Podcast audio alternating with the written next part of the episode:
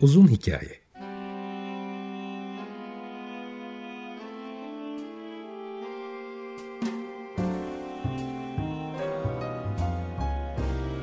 Sinir bilim, psikoloji, felsefe ve müzik.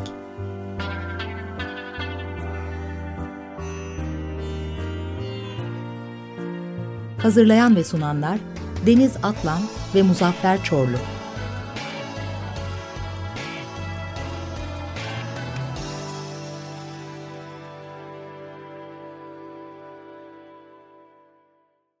...95.0 Açık Radyo'dan, Açık Radyo.com.tr ve onun uzun hikayesinden herkese selamlar tekrar. Bugünkü konuğum Asuman Kafaoğlu Büke, ee, çok uzun zamandır dostum. Ve de yeni bir kitabı taze taze çıktı mı onu bile bilmiyorum ama benim elime geçtiği için en azından yazılı versiyonu PDF olarak e, ben dedim ki hemen bu programı yapalım. Asuman hoş geldin. Hoş bulduk. Ne var ne yok?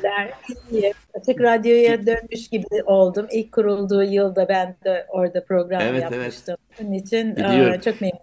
Şimdi e, hakikaten çok teşekkürler geldiğin için. Bir şey bilmiyorum. Önce o onu o şu bilgiyi e, alarak da başlayalım. Kitap tablodaki kadın çıktı mı? Çıkmak üzere mi? Çıktı. Bütün kitapçılarda bulunabiliyor.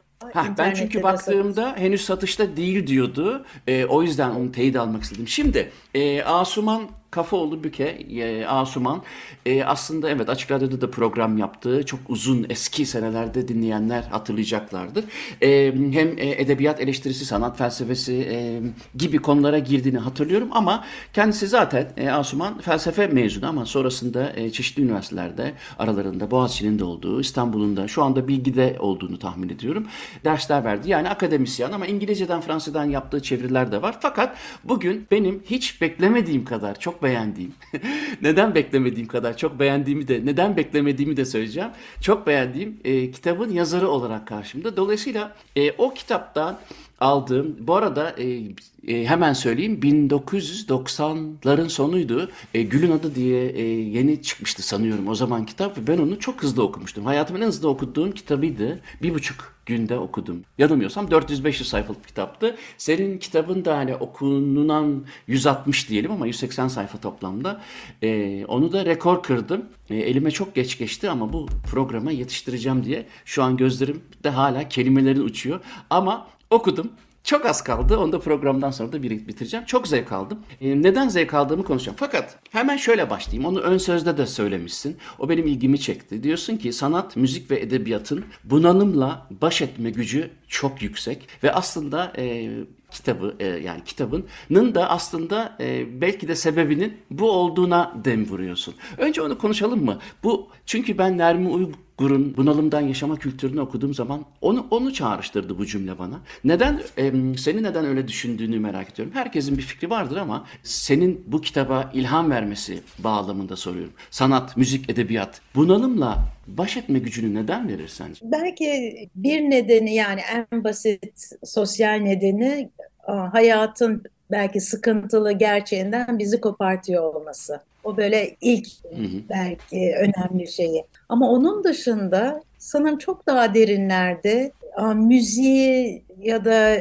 bu tablolara bakarken benim hissettiğim derinleştikçe aa, zihnimin kullanılmayan bölgelerinin açıldığını hissettim ve o çok iyi geldi. O, o duygu çok iyi geldi. Onun insana, insan ruhuna şifa veren bir şey olduğunu hissettim, aa, düşündüm. Bu yazıları ben 20 sene önce başlamışım yazmaya. Bir 10 tane, 20 tanesi K dergisinde çıkmıştı. Ama şey bu pandemiyle eve kapanınca tekrar resimlere bakmaya başladım ve Hı. daha önce görmediğim detayları gördüm. Ve o kayboluş, o kimseyi göremediğimiz o aylar içinde bana çok çok iyi geldi. Onun için galiba beynimizin işlemeyen bölgeleri çalıştıkça iyi oluyor, bize faydası dokunuyor. Fiziksel olarak da, ruhsal olarak da.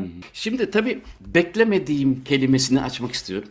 E, neden beklemediğim kadar iyi buldum? Öncelikle ben kendimle küçük bir oyun oynamayı çok severim. Özellikle trenlerde, e, otobüslerde ve uçaklarda onu hissetmem ama trende karşılıklı olma şansı olduğu için insanlar kitap okurken hele de benim bilmediğim dilde kitap okurlarsa başlığını da göremediğim için ne okuyor? Şu anda acaba ne hayal ediyor diye düşünürüm. Çok küçüklükten kalma bir alışkanlıktır bu. E, ve de çok severim Bende de onu. aynısı, aynısı.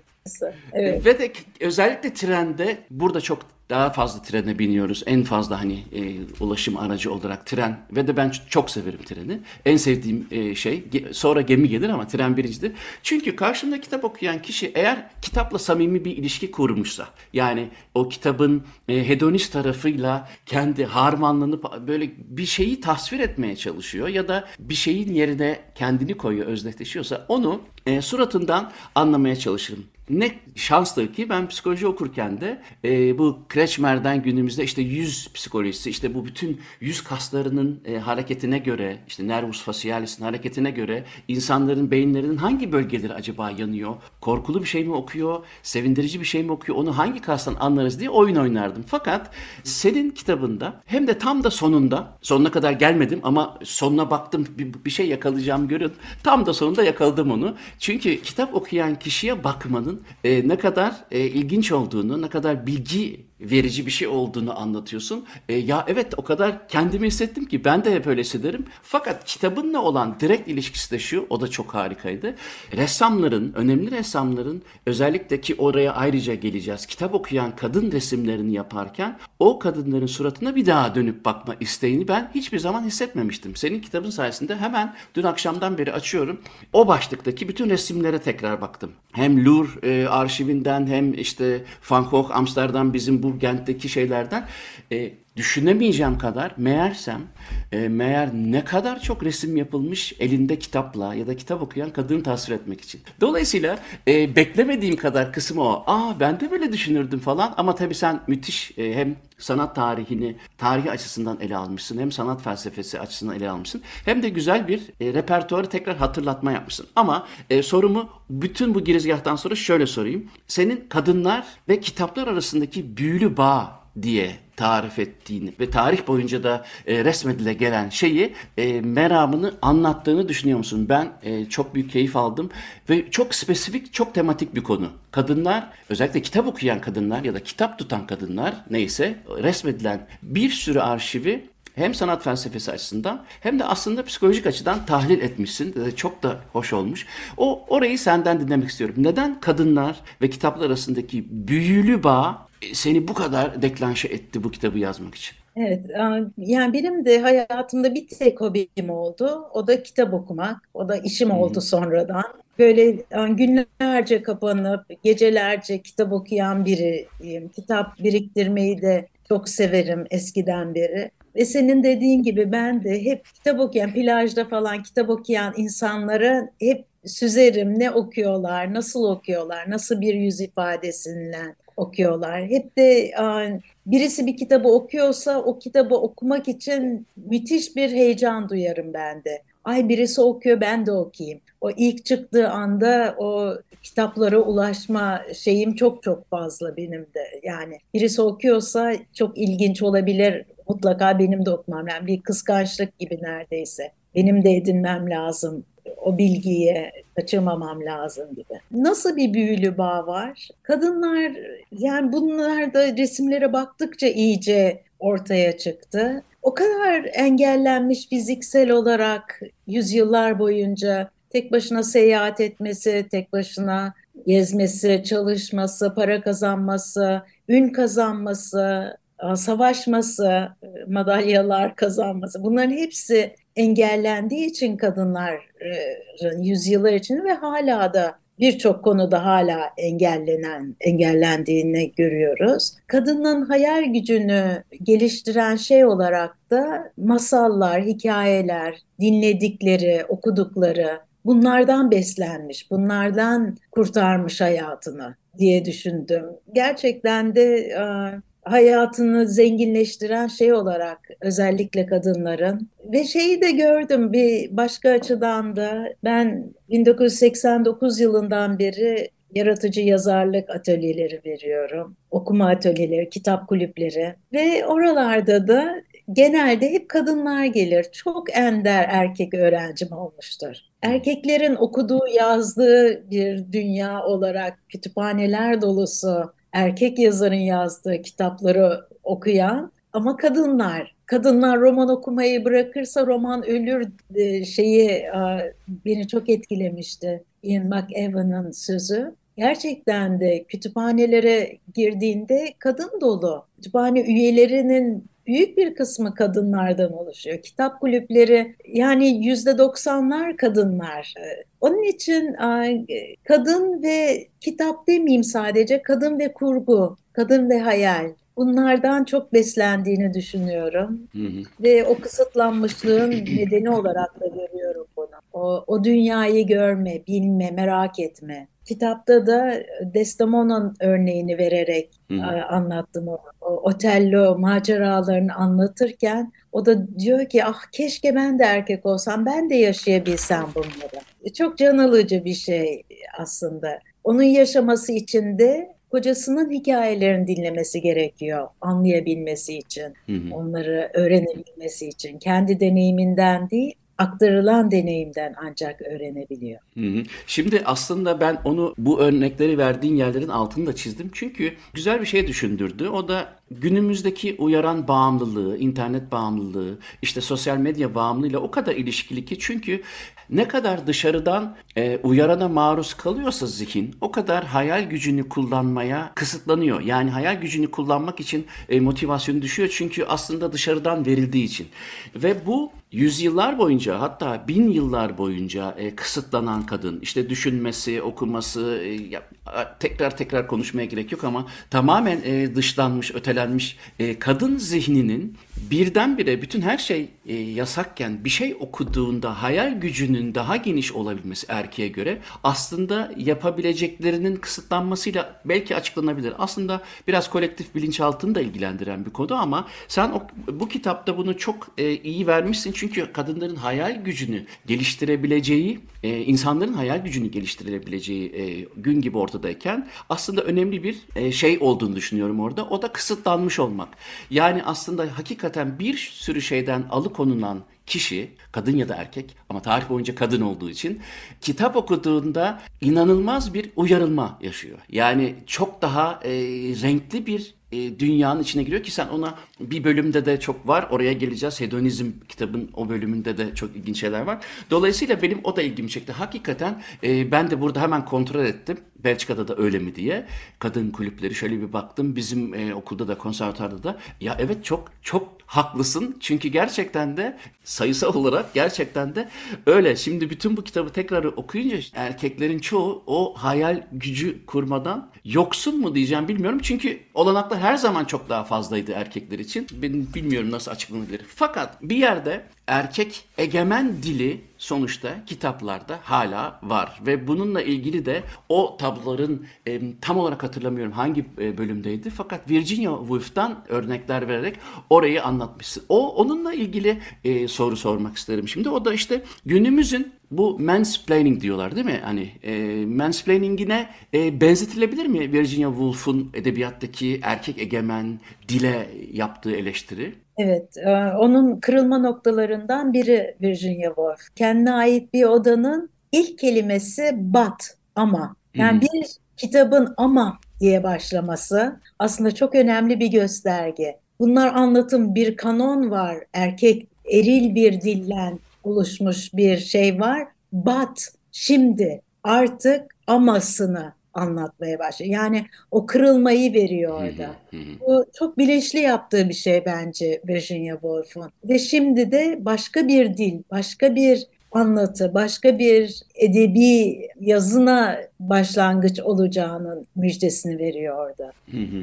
Onun için ilginçtir yani o bat diye başlaması ve bundan sonrasını bir kırılma noktası olarak kendi edebiyatına koymuş olması çok ilginç bence. Sadece yazar değil, yazı üzerine düşünen kadınlar ya da resim üzerine düşünen kadınlar. Yani sadece resim yapan değil, sadece roman yazan değil. Romanın poetikası üzerinden bir şey söyleyen kadınlarla ancak o dil kırılmaya başlıyor. O eril dominans azalmaya başlıyor. Bunun gibi o kadar çok e, durup düşünmeyi e, bir şöyle bir eskiden okuduklarımızı ya da olup bitenleri düşünmeyi e, motive eden şeyler var ki ben hakikaten çok beğendim. Daha yeni yeni de bitirdiğim için çok heyecanlıyım şeyle ilgili. Dolayısıyla heyecanımın lütfen kusuruna bakma. Fakat şeye gelelim. Mesela kitaplar ve kadınlar arasındaki büyülü bağdan bahsettin ya. Orada tarih boyunca tabii e, ben dediğim gibi baktım resimleri. Hani Rönesans'tan ne bileyim e, işte Botticelli'nin e, Madonna del Libro galiba. Sından alalım ama özellikle Hollanda'nın e, en altın çağında bizim buradaki Gent'te Van Eyck olsun o kadar çok kişinin e, şeyine rastladım ki ben bizim mahallede olduğu için de şimdi gidip bir daha başka gözle bakacağım. Fakat e, aynı zamanda yine tabii Johannes Vermeer ve Vermeer'in özellikle benim çok sevdiğim resmiydi. Ben ama hiç o resmedilen kadının suratına bakmadığımı fark ettim. Çünkü açık pencerenin karşısında kitap okuyan kadın için neredeyse bir kitap yazılacak kadar çok enteresan bir şey olduğunu senin bu kitapta öyle. Onu birazcık konuşalım mı? Çünkü e, aslında kitabın sonunda da başında da hep söylüyorsun. Kitapla kadın arasındaki büyülü bağı ressamlar sanki suratlarına e, yükledikleri o hani surat psikolojisi diyelim anlamlarla anlatmaya çalışmışlar. Yani kadın o sırada korku içinde mi, acı içinde mi hatta bir ayrılık mektubu mu okuyor öyle bir resim de vardı. Ve oradaki bütün detaylar ya da işte bir kırda yanlış hatırlamıyorsam kitap okurken o kadar çok şey dönüyor ki etrafta fakat kadın hiç dikkatini bozmadan o kitaba yönlenebildiği için suratından ve kompozisyondan biz aslında bütün o resmi kenara koyup kadının o sırada kitapla ve kitaptan hissettiği şeylerle ilişkisine yöneliyoruz. Ama bunu senin kitabın bize bir kere daha göstermiş oldu. Çünkü birazcık o detay e, en azından ben kendi adıma söyleyeyim kaçırmıştım. Or onlardan bahsedelim mi biraz? Suratlardaki ifadenin bize verdikleri. Şöyle de bir şey oluyor sanki. Yani Picasso'nun, Monet'in falan yaptığı resimlerde kadın o kadar gömülmüş bir okuma içinde ki erkek onu anlamaya çalışıyor. Orada, Hatta şapkasıyla vesaire e, suratını da çıkartmaya çalışıyorsun. Zor bir evet, tasviri var. Aha. Orada bir gizem giriyor. Ne düşünüyor? Çünkü kitap okuma yalnızlıkla yapılan bir şey. O yalnızlığımızı yansıtan bir şey. Ve ne hayal kuruyoruz, ne düşünüyoruz, dışarıdan bakan kişi özellikle Picasso ve Monet'de bu çok çok bu tür resimler yapıyorlar ve o kadınları da özellikle ben çok gizemli buluyorum. Kendileri anlamaya çalışıyorlar. Sanki bir bakıma kadını anlamaya çalışmaları gibi, kadının zihnine girmek istiyor gibi hissediyorum orada. Bu şeyler konusunda yazılmış çok kitap var aslında. Kadınlara Bakan Erkekler diye bir kitap var. İngilizce çıkmış bir kitaptı bu. Orada da kadın vücudunu nasıl görüyor, çıplaklığı nasıl görüyor. Sırf erotizm değil orada görünen şey. O anlamaya çalışmak, ötekini bazen dışlamak için, bazen anlamak için, o empatiyi kurmak için. Bütün bu şeylerde yani kadın bedenini ve kadın ruhunu öteki olarak ele alan res sanatçılar. Picasso'da ben onu çok görüyorum. Çok erkek bir dillen, erkek bir bakışla kadına bakıyor. Ama baktığı kadında da anlamak istiyor. Resimlerde hep o şey var, o kendi içine dönük bir kadın. Onun okurları hep böyle kendi içine kapanmış. O şeyi de çok görüyoruz aslında. Bazıları çok açık okuyor. Yani göstererek okuyor. Bazıları kendi kapanarak okuyor. Aa, utanacağı bir şeyi okuyor sanki. Saklamak istediği bir şeyi okuyor. O, o şeyi de hissediyoruz, o, o farklılığı. Değil mi? O resimlere dikkatli baktığımızda yüzlerde, beden duruşunda Bazılarında sıkıntı, bazılarında ayıp, bazılarında neşe, hedonistik zevkler. Bunlar e, her birinde, her bir resimde farklı. İlk tabii ilk resimlerde bu o, Rönesans dönemindeki resimlerin çoğunda bilgelik olarak yani kadına Tanrı'nın sözünün ulaştığı anlamında ve o Mecdelli Meryem, Meryem Ana, azizeler, bütün onların eline kitap verdiğinde ki zavallı bu kadınlar okuma yazma öğretilmemişlerdi. Bunu da ayrıca bir parantezden söyleyelim. Ama ellerinde kitapla resmedildiler. O Ama da kutsal kitap genelde değil mi? Tabii İncil'i. Kutsal kitap. Hep İncil, evet, hep İncil'den. O da Tanrı'nın sözünün onlara ulaştığının simgesi olarak. Yani Tanrı seçti, onlara sözünü ulaştırdı ve onlar da anladı o kendi içlerinde oldukları kitap ellerindeki. Yani bir bakıma solipsist bir şey var orada. Çünkü Mecdelli Meryem kendinin anlatıldığı bölümü okuyor. yüzyıllar sonra ama çok çok anlamlı bir biçimde orada erdem anlamına geliyor. Çünkü daha yaygınlık kazanmış bir şey değil kitap. El yazmaları Rönesans. Ondan sonra aydınlanma çağında okuma yazma yaygınlaştıkça, matbaalar geliştikçe tabii bütün bu yeni bir çağ başlıyor. Ondan sonra kitaplar küçülüyor ve o erdem gidiyor daha başka zevkler giriyor işin içine. Şeyi özellikle çok belirgin kırmaya çalıştım. Kitabın formu değiştikçe okuma eylemi değişiyor. Kadınla kitabın ilişkisi değişiyor. Bütün bunlarda kitapla ilgili yani kitabın sürecinden ilgili. İlk başlarda hep böyle kutsal kıyafetleri içinde, kutsal mekanlarda görüyoruz İncil okuyan kadınları. Daha sonra köylü kızları okurken görüyoruz. Ve bu çok önemli bir şey işte. Van Gogh'un yaptığı roman okuru kız da köylü kıyafetlerinden okuyor. Ve bu yani çok dokunuyor bize aslında. Çok duygusal olarak çok iyi gelen bir şey. O süreci bir ressamın anlamış olması e, onu yansıtıyor olması. Ama aslında e, Van Gogh dedin diye e, söyleyeceğim. Çünkü oraya ayrıca bir e, bölüm açmak isterdim.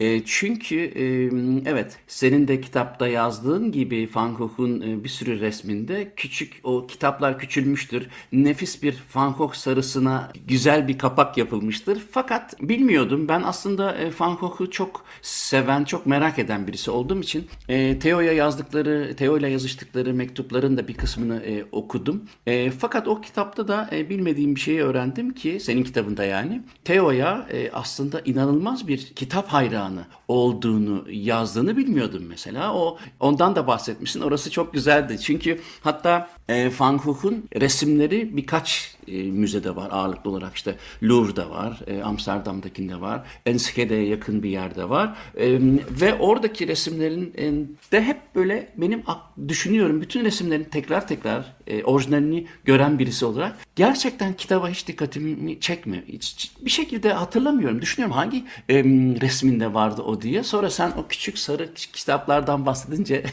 uyan tekrar. E, Asuman e, bir Yeni bölüme geçmeden bir müzik arası verelim mi? Ne dersin? Tabii, tabii. Seçmek ister misin sen yoksa ben mi seçeyim? Yani sen seçeceksen bir Bach'tan bir şey olsun isterim. o zaman Bach'tan ne olsun? Dur bakalım şey olsun. Ee, Bach'tan e, kahve kantatından olsun. Aa, harika. Çok çok seviyorum. Bak kahve de içmedim bugün. İyi oldu. Şimdi kahve kantatından bir bölüm dinleyelim. Sonra Asuman Kafaoğlu Büke'yle devam edeceğiz. Asuman Kafaoğlu Büke ile devam ediyoruz. Son kitabı tablodaki kadın üzerine konuşuyoruz ve tabii o kadın tablodaki kadın kitabının bize hatırlattıkları arasında tabii ki toplumsal olaylar da var. E, otorite, baskı, din, politika da var. Hatta politikaya da öyle bir girmişsin ki orası da enteresan. E, Adolf Hitler'in Beckmann'a yaptığı saldırılardan da bahsetmişsin ve de aslında e, ki sonradan işte Nazi Almanyası ile birlikte Hollanda'ya giden ama Hitler'in bir türlü peşini bırakmadığı, radyolardan, seslenebildiği her yerden soysuz olarak adlandırıp e, yerin dibine sokmak istediği bir figür olmuş. Ama bu tabi sadece Hitler'e özgü bir durum değil. Anladığım kadarıyla hemen hemen e, otoriter tüm e, diktatöryel e, yöneticilerde sanatçıya karşı zaman zaman böyle bir propaganda değil de belki de baskı hatta yok etme isteği oluyor. Fakat Hitler'e gelmeden önce daha önce Katolik Kilisesi'nin yaptığı ve de çok iyi dokümente edilmiş e, sanatçıya köşeye sıkıştırmaya hatta e, idamlarına değil mi Milano'da, Münster'de, meydanlarda e, yakılan, asılan sanatçılarla dolu e, Avrupa tarihi özellikle Orta Çağ'da. Fakat o işin politik şeyini sonra sormak isterim birincisi. İkincisi de ben acaba bu kadar baskı altında olmasına rağmen kadın ressamların e, hayatları nasıl olmuş diye baktım. E, özellikle bizim mahalleden gene Katerina van Hemesen mesela onu öğrendim bilmiyordum senin kitabın sayesinde ve Gabri Gabriel Capet, Marie Gabriel Capet Fransa'dan. Evet ama çok kullanmışlar gördüğüm kadarıyla ve de zaten hem e, Hemesen dini resimler yaparak e, çok çatışmamaya çalışırken kafede aristokrasinin izinden giderek kendini kurtarmaya çalışıyor. İstersen hem kadın siyaset bağlamında hem de sanatçı siyaset bağlamında kitabında da ana geldiğin konulardan sana o spesifik soruyu sorayım. Nasıl bir üçgen var? Resim sanatı, politika ve otoriter yen bir yönetimin kadın üzerindeki baskısı. Senin kitabında da bunları görmek çok mümkün. Evet, yani sanatçıya tabii baskı e, çok fazla. Hitler gibi bir adam diyeceğim. Hitler gibi birisinin de kendi kafasında bir güzellik anlayışı var. O güzellik anlayışı 20. yüzyıl sanatına uymuyorsa onları soysuz sayıyor. Tabii gelişmiş bir zihinle sanata bakmak ve o hoşgörüye sahip olmak onlar ayrı bir şey. Kadın sanatçılar konusuna gelirsek o, o da çok ilginç yüzyıllar boyunca bizim iki üstümüz nesle kadar kadınlar üniversitelere bile alınmamış. Akademiye ilk kadın biliyoruz yani çok çok yeni bunlar. İnsanlık tarihini düşündüğümüzde da yani 3-4 nesildir olabilen şeyler. Ve ilk ressamlarda da işte Marguerite Gerard benim çok çok sevdiğim, Bert Morisot. Bunlar hep aileden gelen. Fragonard'ın baldızı, evde eniştesinden çalışıyor. Eniştesi ona boyalar veriyor ve oradan başlayarak sonra kocası da ressam. Aile içinde bir şeyle ancak olabiliyor bu özel eğitim. Moriso da öyle. Onun da kayınbiraderi Mane oradan o çevrenin içinde olmak. Çünkü o çevre de onu ben de yani bu kitabı yazarken fark ettim. Çok kapalı bir çevre. Felsefe de öyle. Felsefe çevresi de aynen öyledir. Çok çok zor içine alır o entelektüel çevrenin içine girmek çok zordur.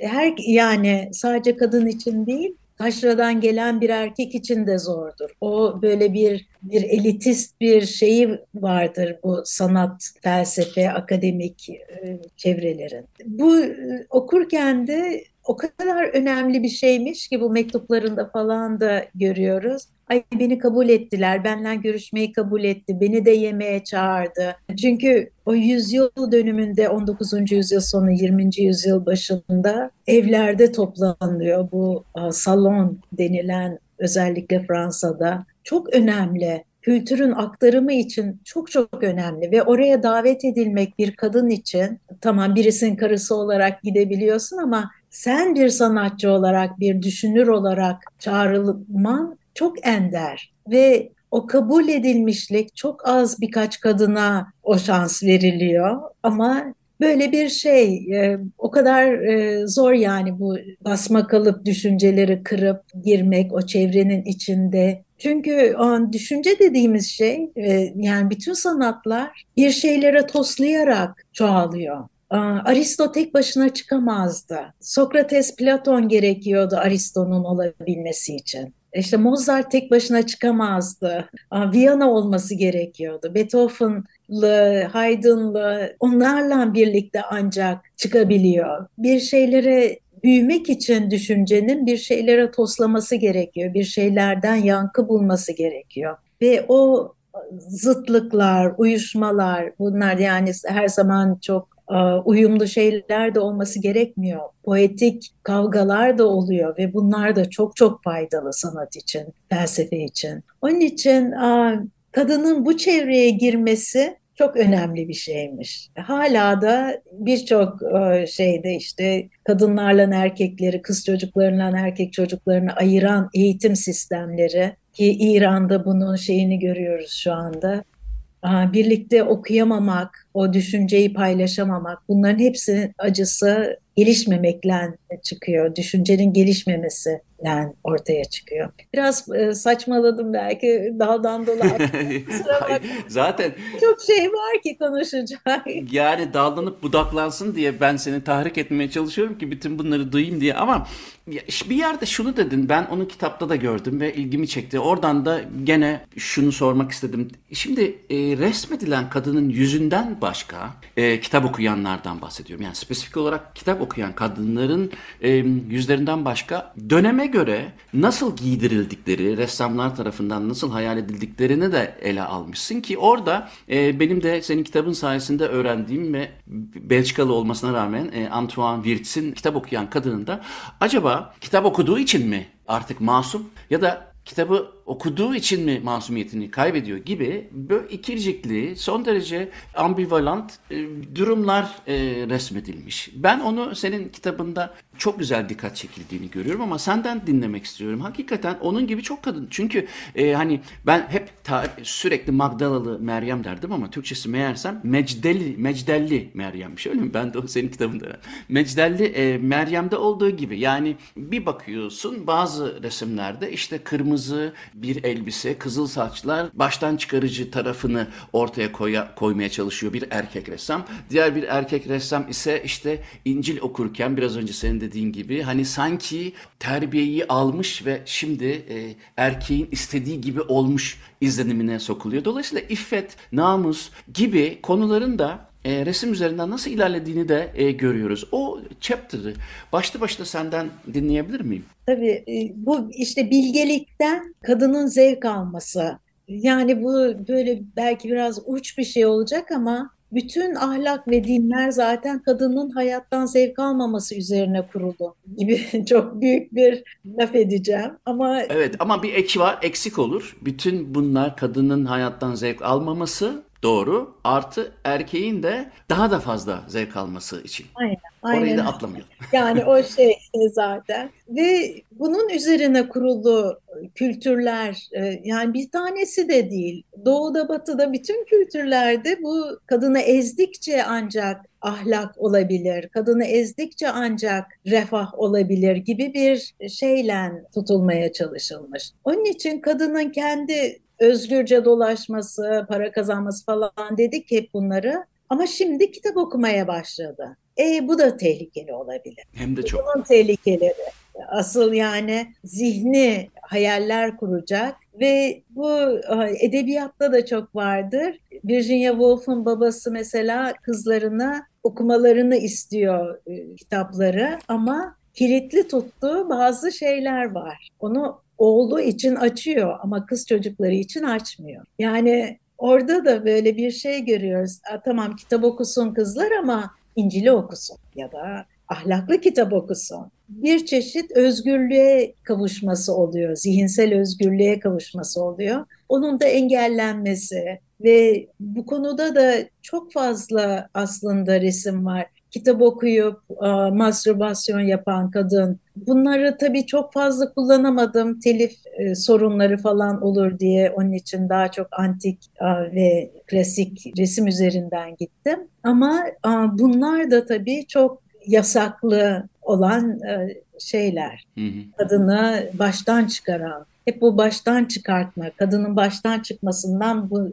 bunca korkma değil mi? O Ama aslında tabii orta çağı düşünürsek ben e, sadece bir program şey için yapmıştım. Cadılarla ilgili. O kadar inanılmaz tabii sanata konunu sanata katkısı çok fazla çünkü çok renkli bir konu. Ama Malleus Maleficarum diye bir kitap çıktı 1300'lerde Almanya'da e, ve bu çekiç anlamına gelen kitapta cadılar çekici Malleus Maleficarum bir cadıyı nasıl anlarız? Bir kadının cadı olup olmadığını nasıl anlarızın testleri sunuluyordu o kitapta ve mesela elleri kolları bağlı bir şekilde Ren nehrine atılıyor kadınlar ve eğer yüzerse cadıdır. Tabii ki yüzemiyor ve ölüyor. O zaman da e, Allah rahmet eylesin. Demek ki cadı değilmiş. Tanrı onu yanına aldı gibi. Yani hakikaten e, bu bu kitap çok satılan kitaplar arasına giren bir kitap olabildi. Dolayısıyla şimdi bu da aşağı yukarı çok da eskiden değil daha 800 yıl falan oldu. Ve de neredeyse erkekleri rahat bıraksak tırnak içindeki erkekleri rahat bıraksak bir Maleum bir daha yazılır gibi. Çünkü hani İffet ve namus gelince e, erkeğin bütün sorunları ortaya da çıkabiliyor. O yüzden mesela e, sen de değinmişsin Tiziano'nun iffetli çizmiş olduğu yani kadına iffet atfetmek içinki detayları bile önemli değil mi? Hani elinde kitabıyla ama gene de bir iffet bezemesi orada Tiziano'nun. Evet, Tiziano'da tabii bir de yani iktidar değişiyor. Önce açık bir Mecdelli Meryem var. İktidar değişiyor ve yeni kral o kadar Birdenbire göğüs görmek istemiyor.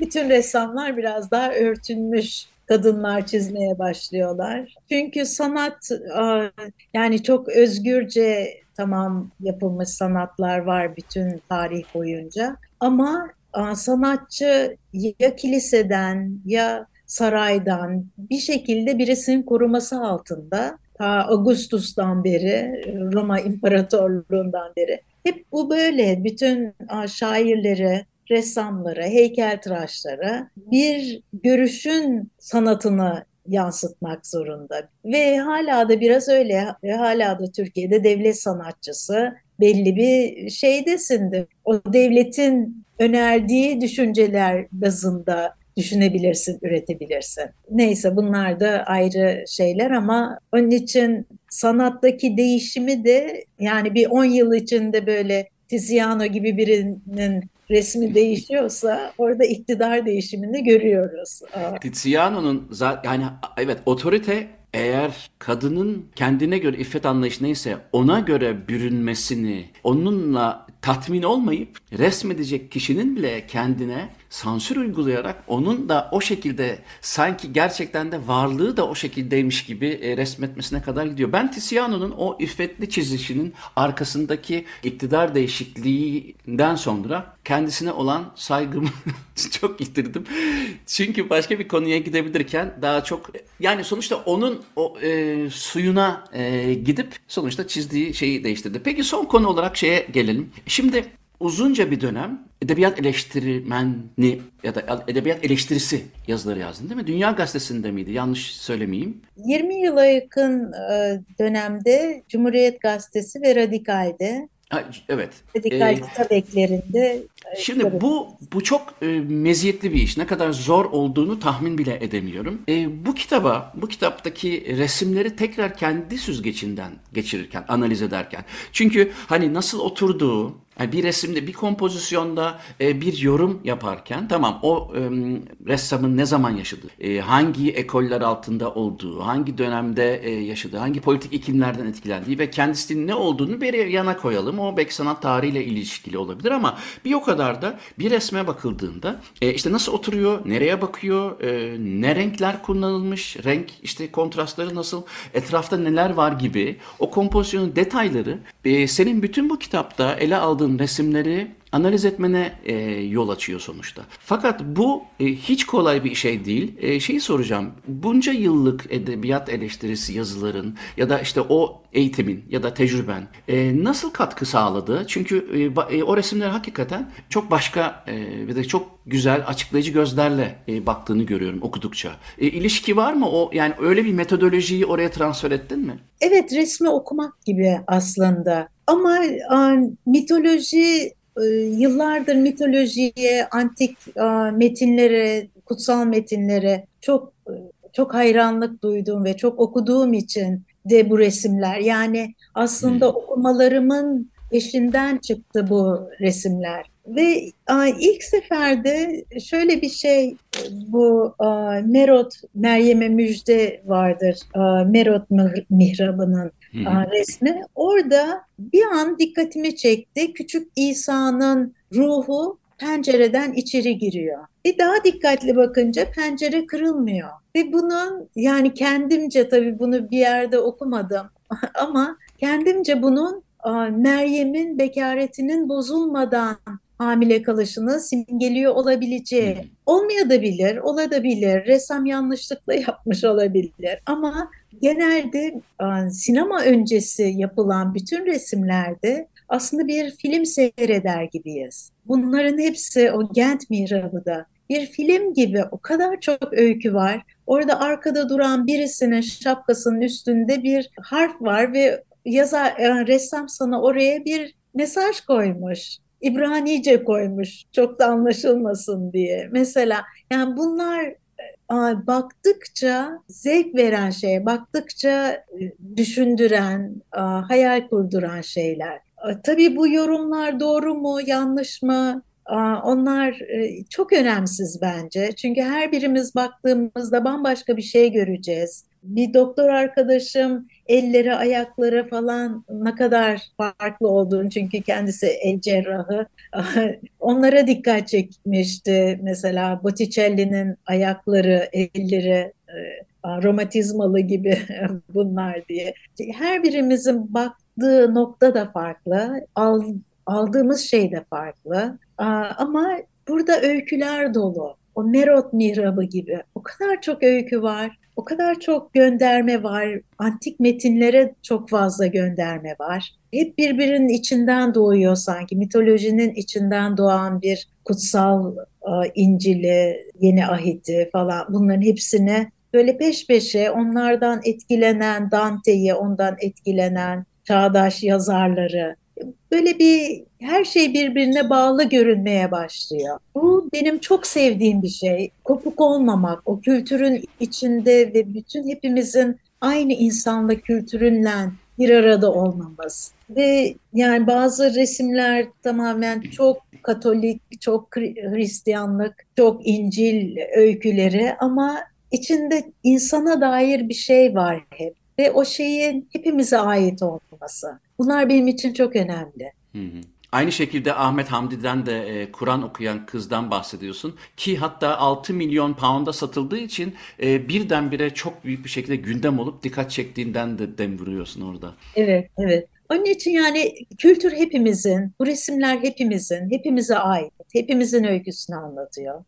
Böyle düşününce çok daha yakın hissediyorum. Ve o en başında sine söylediğin o şifa bulma şeyi, bütün ırkçılığı, savaşları falan da kıran bir şey sanki. Yani çok humanistik bir noktaya götürüyor sanatlar bize. O duyguyu çok seviyorum. Bu cümlenin üzerine bu program ancak kapatılır.